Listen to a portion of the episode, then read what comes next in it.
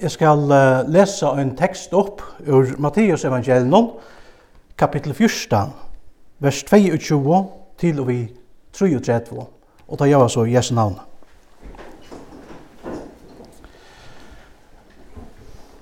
Og vi det samme nødte Jesus læresvennerne er ferdig i bakten og ferdig undan honom iver om hinnemeien, medan han lett mannamikvinnar ferdig av sted. Og da han hei lett mannamikvinnar ferdig før han fyrir seg sjálvan nian av fjallet at halda bøn. Og ta i sønt var våre, var han her ønsamallur i øyninge. Men bahteren var langt og mitt ute av vattnen, og var ytla stattur av aldenon, då jeg tar høtt og andre år. Og i fjord og nottarvøkko kom han tiltøyra gengande etter vattnen. Men ta i lærersvennene sjåan koma gengande etter vattnen, kom rasla atøyr, og tar søttu at det er et spøkelse. Og tar råpa av rasslo. Men i samme stund taler Jesus til tøyra og sier, «Har vi godt rest, Det er jeg, øktest ikke.» Men Petter sverar jo honom og sier, «Herre, er det to, så be meg komme til tøyn etter vattnet.» Men han sier, «Kom.» Og Petter støy ut ur vattnet og gikk etter vattnet for å komme i at Jesus er. Men ta i han sa illvekre øktaist han, og ta i han tåka søkka, råpa i han og seie, Herre, bjerga mer. Og ut og se meg rette Jesus håndene ut, og tåka i han og sier vi han, Fatrone med vår, hvor i eist du? Og ta i tar var komner inn og i baten, mekka i vinteren. Men ta i var og av baten, fotlo nira knæ fyrir, fyrir hånden, og sett du, sannelig, erst du sonur gods. Amen.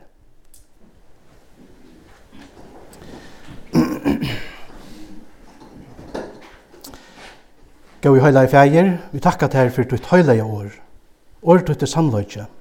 Lata lys okkom vegin til sannløyka og sælo. Amen. Jeg har jo et uh, særlig forhold til uh, hentan teksten som vi akkurat har hørt. For uh, 22 år så gjerne var det nemlig en tur i Israel, saman vi gjennom gavun vi manne. Vi tverra oss vuje om, og silto mittlen anna vi bakte av Gneset vattnet. Man kunne leia bakter, så vi leia okken en bakt og førre en, en tur her. Og ute av vattnet, ja, i hei hese her på ypna vi, og sånne, tann dagen for 22 er en søgjane, og ute av vattnet, leser jeg høysene i hese på ypna, om just hesa hendingsna. Det er nekka helt særlig at lesa og høyra om de bibelske hendingene, tar man i stator just her som hesar hendingene fyrir fram. Stator i baten kunne til Øsne Pøyka ut av vattnet og sier at her var det at det hendte, at Jesus gikk av vattnet. Og etter at, hetta at ein avvisur stavur og eit avvist vatn ver knutt at ta man bibelsko frasøknon, det er òsne vi til fyrir jokkom, at hendingarna er færnar fram og i hesun heimenon. Et er ikkje eit eventyr, nei talan er om eit veriligt undur. Jesus han gikk etter vatnen, og det gjør det Petter òsne, og gjerne lukta løtton. Ta jeg og i dag leser jeg henta teksten, så vil jeg i hoa noen, og sånn tidsen aktor til ta feriene er sjolvur sett og gjennom bakte uti av Gneset vattnet. Og jeg husker at vi i kveld kunne gjøre just dette. Og i hoa noen, jeg ser dere i bakten sammen med Petre, færre ut av vattnet, og røyne jeg ser dere inn i det som her vil boa bæði fyrir Petre og fyrir, fyrir okko. Det som vi fyrst og fremst sutja og gis ned teksten om, er hekta at Jesus nøytte lærersvennerne a færra uh, i bakten og færra undan honom iver om vattnet. Det at han måtte nøya dør, innebærer sjåan til er at han ikkje vildt å færra fra honom. Hvor nøytte han så tør a færra steg? kunne spyrja.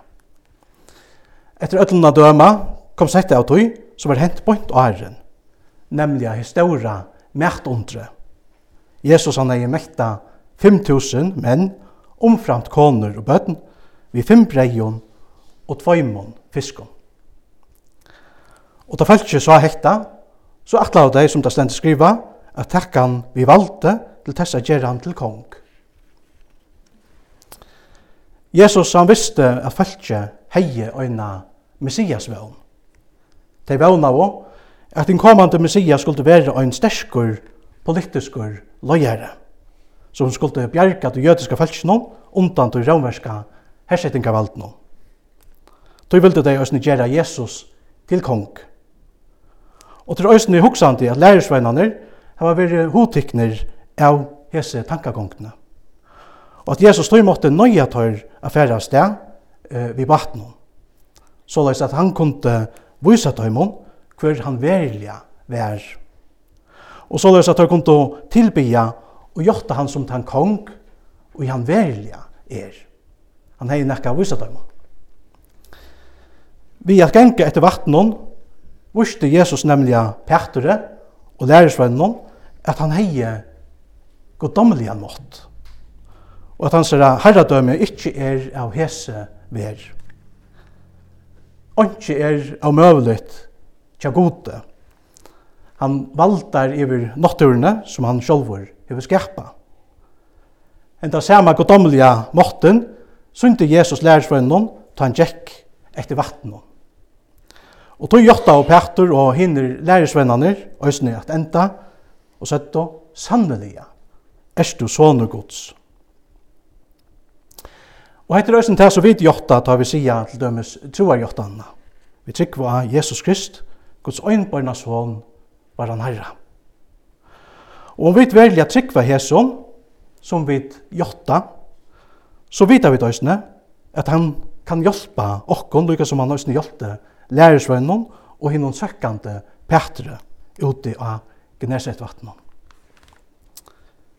Jesus han er akkurat han samme i det, som han vær ta av døven. Han er akkurat den samme måten og i det som han heier ta. Og tog kunne to og jeg, og jeg lytte fullt og fast da, at han er vi okkon og i okkara løyve. Og jeg at det gjerst trobult, og der større aldenar av lufsens heve bråta nir i okkon.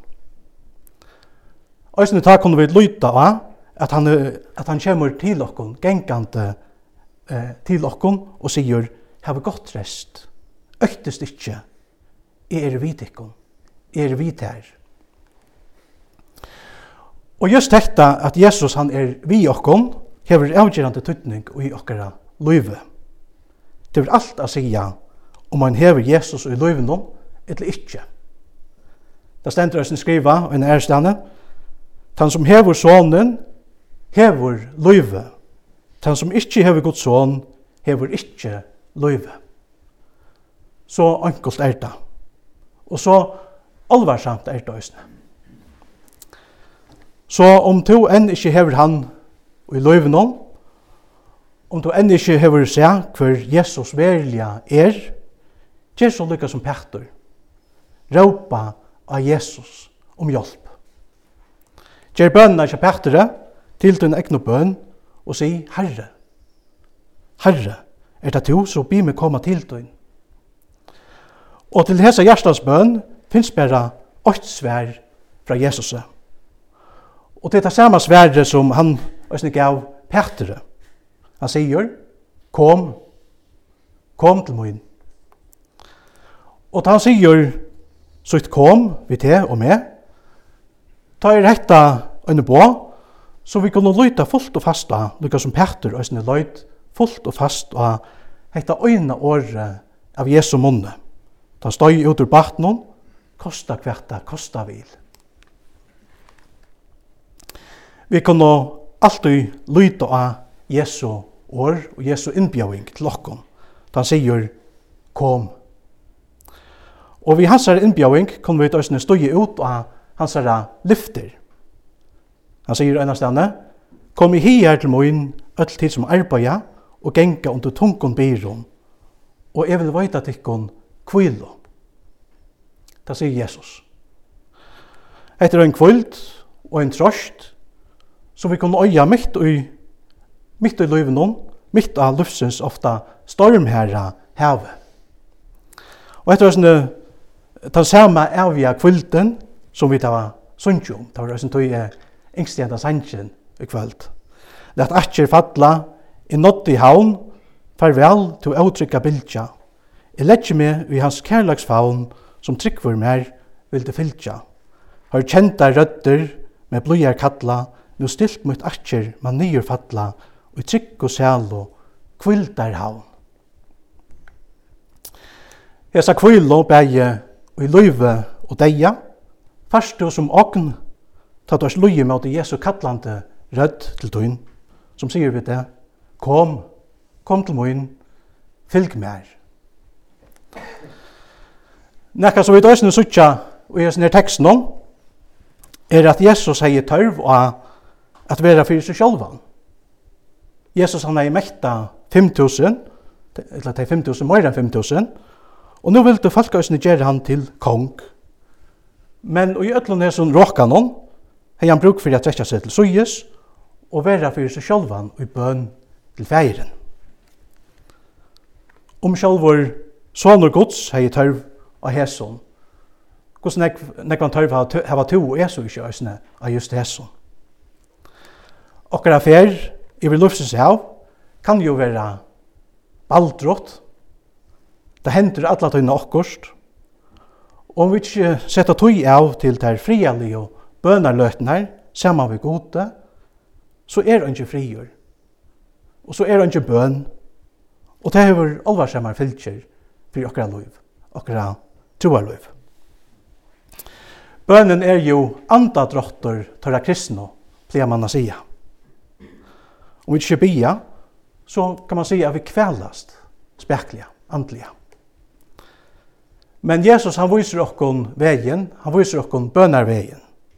Og ta i han hei lett mannamikvinar færa, før han fyrir seg sjolvan, nian av fjallet, at halda bøn.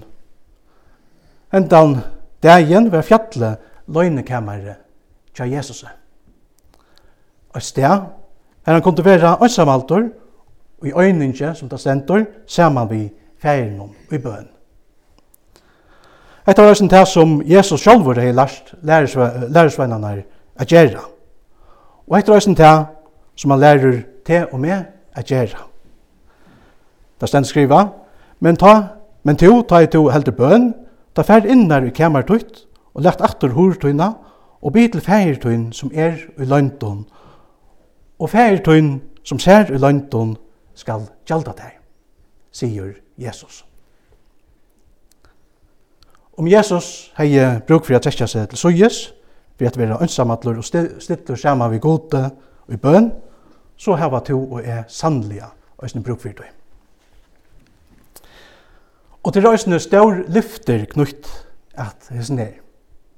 Paulus han sier til dømes, og det var øysene lise opp til Janne, Vi er ikke størner for nøkron, men lett i øtlån loton troan tikkara komme fram for god, og i akatlan og bøn vi tøkk, og Guds frigjør som ber av øtlån vite skal varva etter gjørstotikkara og hoksaner tikkara og i Kristi Jesus.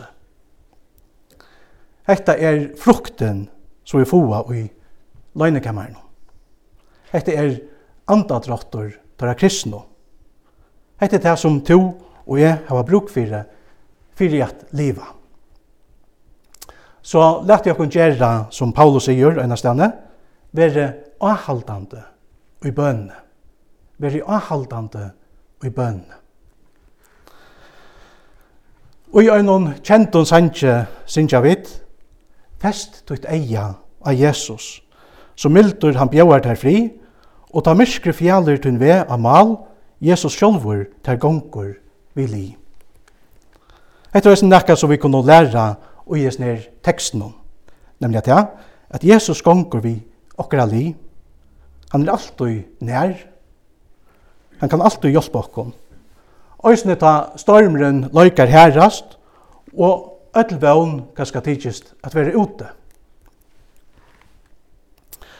Og vi lærer Øysene hvem avgjørende tøytning til hever fire til og med, alt i at var okra eio vend og imøte Jesus. At heva Kristus vend eio. Vi tar lyse i at bakteren var ytla stattor av alt noen av Gneset vattnet. Og tanken om en vattagrøv hever neivan vært fjerrur fra nøkron av lærersveinen. Men mitt og tørra nei, medan altunar kasta av batten atter og fram, kom Jesus genkante til tørra etter vattnet. Rassla kom sjálvan til ator, til at han hildu at det var spøkelse som kom genkante her. Men mitt og tørra nei og rasslo, tala Jesus til tørra og sier, heve godt rest, til jeg øktist ikkje. Jesu nærvera brøkti alt, fyrir jeg ser neistøtt og mennar. Da tar festu tar eio av Jesus, og hørtu hans er kallande rødt, verður tar filter vi vevn og dyrve mitt og Jesu illveknum. Og etter røysen ta sama vevnen og ta sama dyrve som Jesus bjauer ter og mer og i kvöld. Hevast det kjenner som om at du må strøyas pura ønsamadler, så er du korsen i omkant og ønsamadler som en kristen. Jesus han gonger vi tøyna li. Etla som vi tøysen i hava sunnja. Men sikla øyna i ofta ma, a nott i stormen og kalta, ta øy er stjøtna og landa sjå, i onka løy vøyt at halta. Ta grøv i suttju i barum kølton, ta kjemur Jesus av havsens eldon og i sørst og mysko nottarvakt. Det er øynans Jesu nærvera og i okra løyve som kan bjerga okkon og i løfsens ildvekre. Ta kjemur han øysne av havsens eldon til okkon. Øynans gods nærvera rekur øktan bostor og gjevur okkon i stegin vevn og dyrve bæge og i løyve og i deg. Etla så vidt lesa kja profeten Jesaja, tøyru vevna av herran, få kraft av nudjon, og hevja seg som av ærnar vantjon, ta renna og ikkje muast, og genga og ikkje maktast. Hette er akkurat det som Petter opplevde i sin løyve, og ut av Genesaret vattnet. Lika som hinner lærersvennerne, var Petter og sin bensje fire, at de får at dodja og gjør sånne her ildvekkene. Men ta han feste sin eio av Jesus, så fylltes han vi vevn. Det var bare Jesus som kom til bjergånd. Bare han. Og tog råper han høysene av Jesus og sier i årene, Herre, er det to? Så byr meg komme til tog et vattnet. Og Jesus han sier, kom, Og så gjerne hente dette omtre, Petter ut av vattnet gikk, ta han sa av Jesus, som vi ofte har sunnkje oss nu i sundagsskolen. Og lykka som ta, henta under øysene, og i det, hverja fer menneske festa tørre eio av Jesus. Til jo vi har festa okra eio av Jesus, at vi vera frelst. Fest tutt eia av Jesus, hans eia er vent med det her, Vær nu glævur, sintun öll strika er, hana Jesus av Golgata bær. Hetta er akkurat lukka som vi koppar armnon, og i øyemørsene, som vi kan lese om i Bibelene, og Israels folk var og deia sjuk vekna øyterarmene, som biter deg. Men god kjørte tøymon en frelsevei. Moses han skulle gjøre en koppararm og sette han opp på en stong. Og öll det som hukte på henne her koppararmen, de hilt og løyve. Og så er det det øyne vi Jesus. Etla som Jesus selv sier vi fariseren, Nikodemus, og øns og Moses hevja i opp armen i øyemørsene, så løys øyer menneskesåneren at være opphevja vår, til tess at øyn og hver som tror skal heva evigt løyv og i hånden. Vi vera frelst vi at hitjo på Jesus. Vi vera frelst vi at rakt okkara tomo og måttleis og hendur ut til hans herra og i okkara sindanei og i okkara bøn om hjelp fra honom. Og ta til, lukka som en sekkande Petter, råpar, Herre, bjerga mer. Ta kan stå òsne luta fullt og fasta at Jesus òsne rettir til sinna frelsande hånd. Høyt så av meg, av neier deg, jeg skal bjerga til og du skal lova mer. Stendur Øystein skriva. Og just hekta gjørtust en livande veriløyke tja Petre, dessa nottena uti av gneset vattnum. Og hekta hever eit avtala av menneskjon, Øystein kunna asanna, lyka sujane, Nemlig at ja, at de frelsa i at festa sitt eia av Jesus. At ratta sine hendur ut til hans herra og i bøn om hjelp.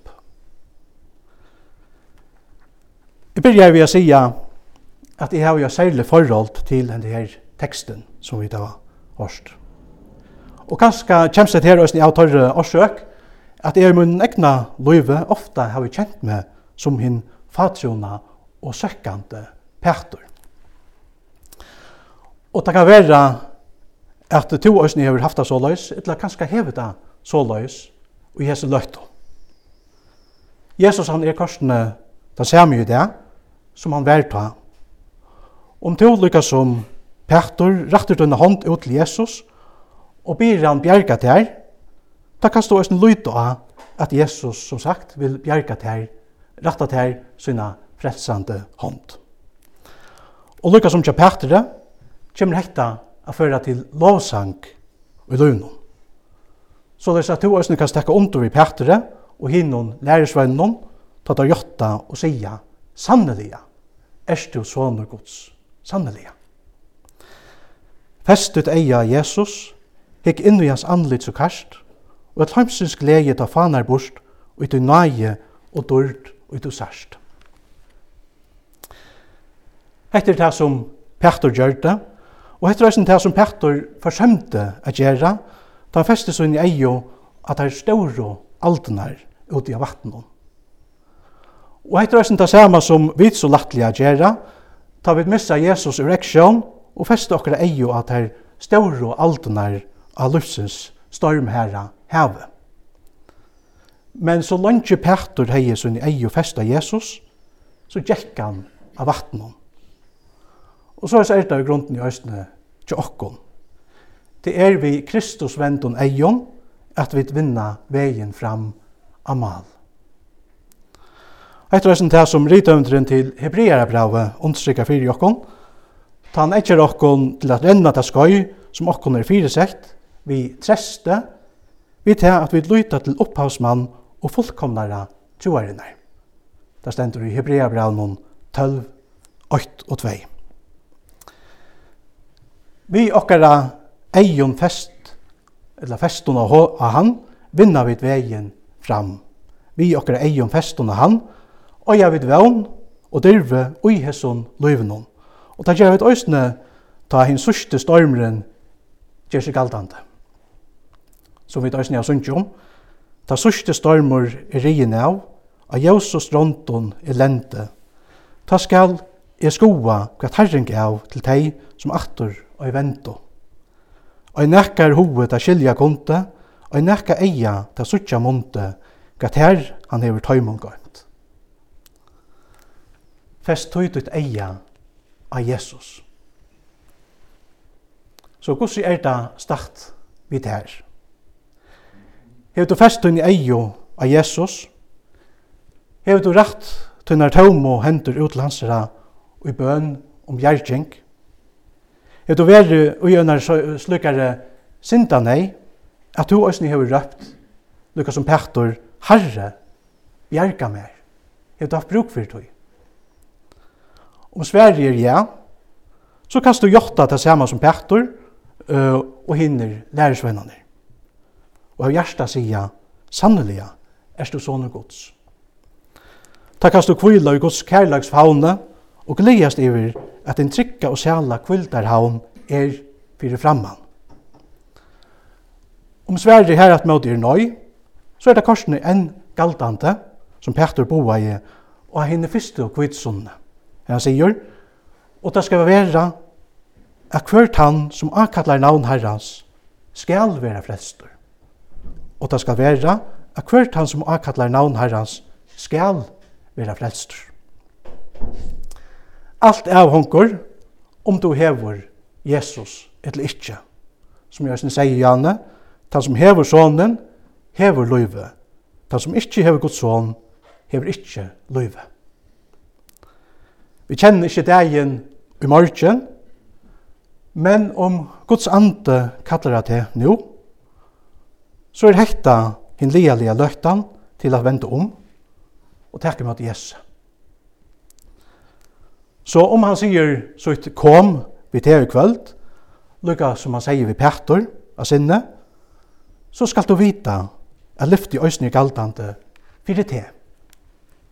Kom hier til moin, to som arbeider og gonger under tungum byrån, og jeg vil veita til min fri. Og Jesu frigjør er ein avgjør frigjør. Ein frigjør som du kan skleiast iver, bæge og i hesson løvnån, og ta du skal vågjere her, herfra. Læt atjer fatla, i nått i haun, farvel til å utrykka bildja. I letje med i hans kærlagsfaun, som tryggver mer vil det fylltja.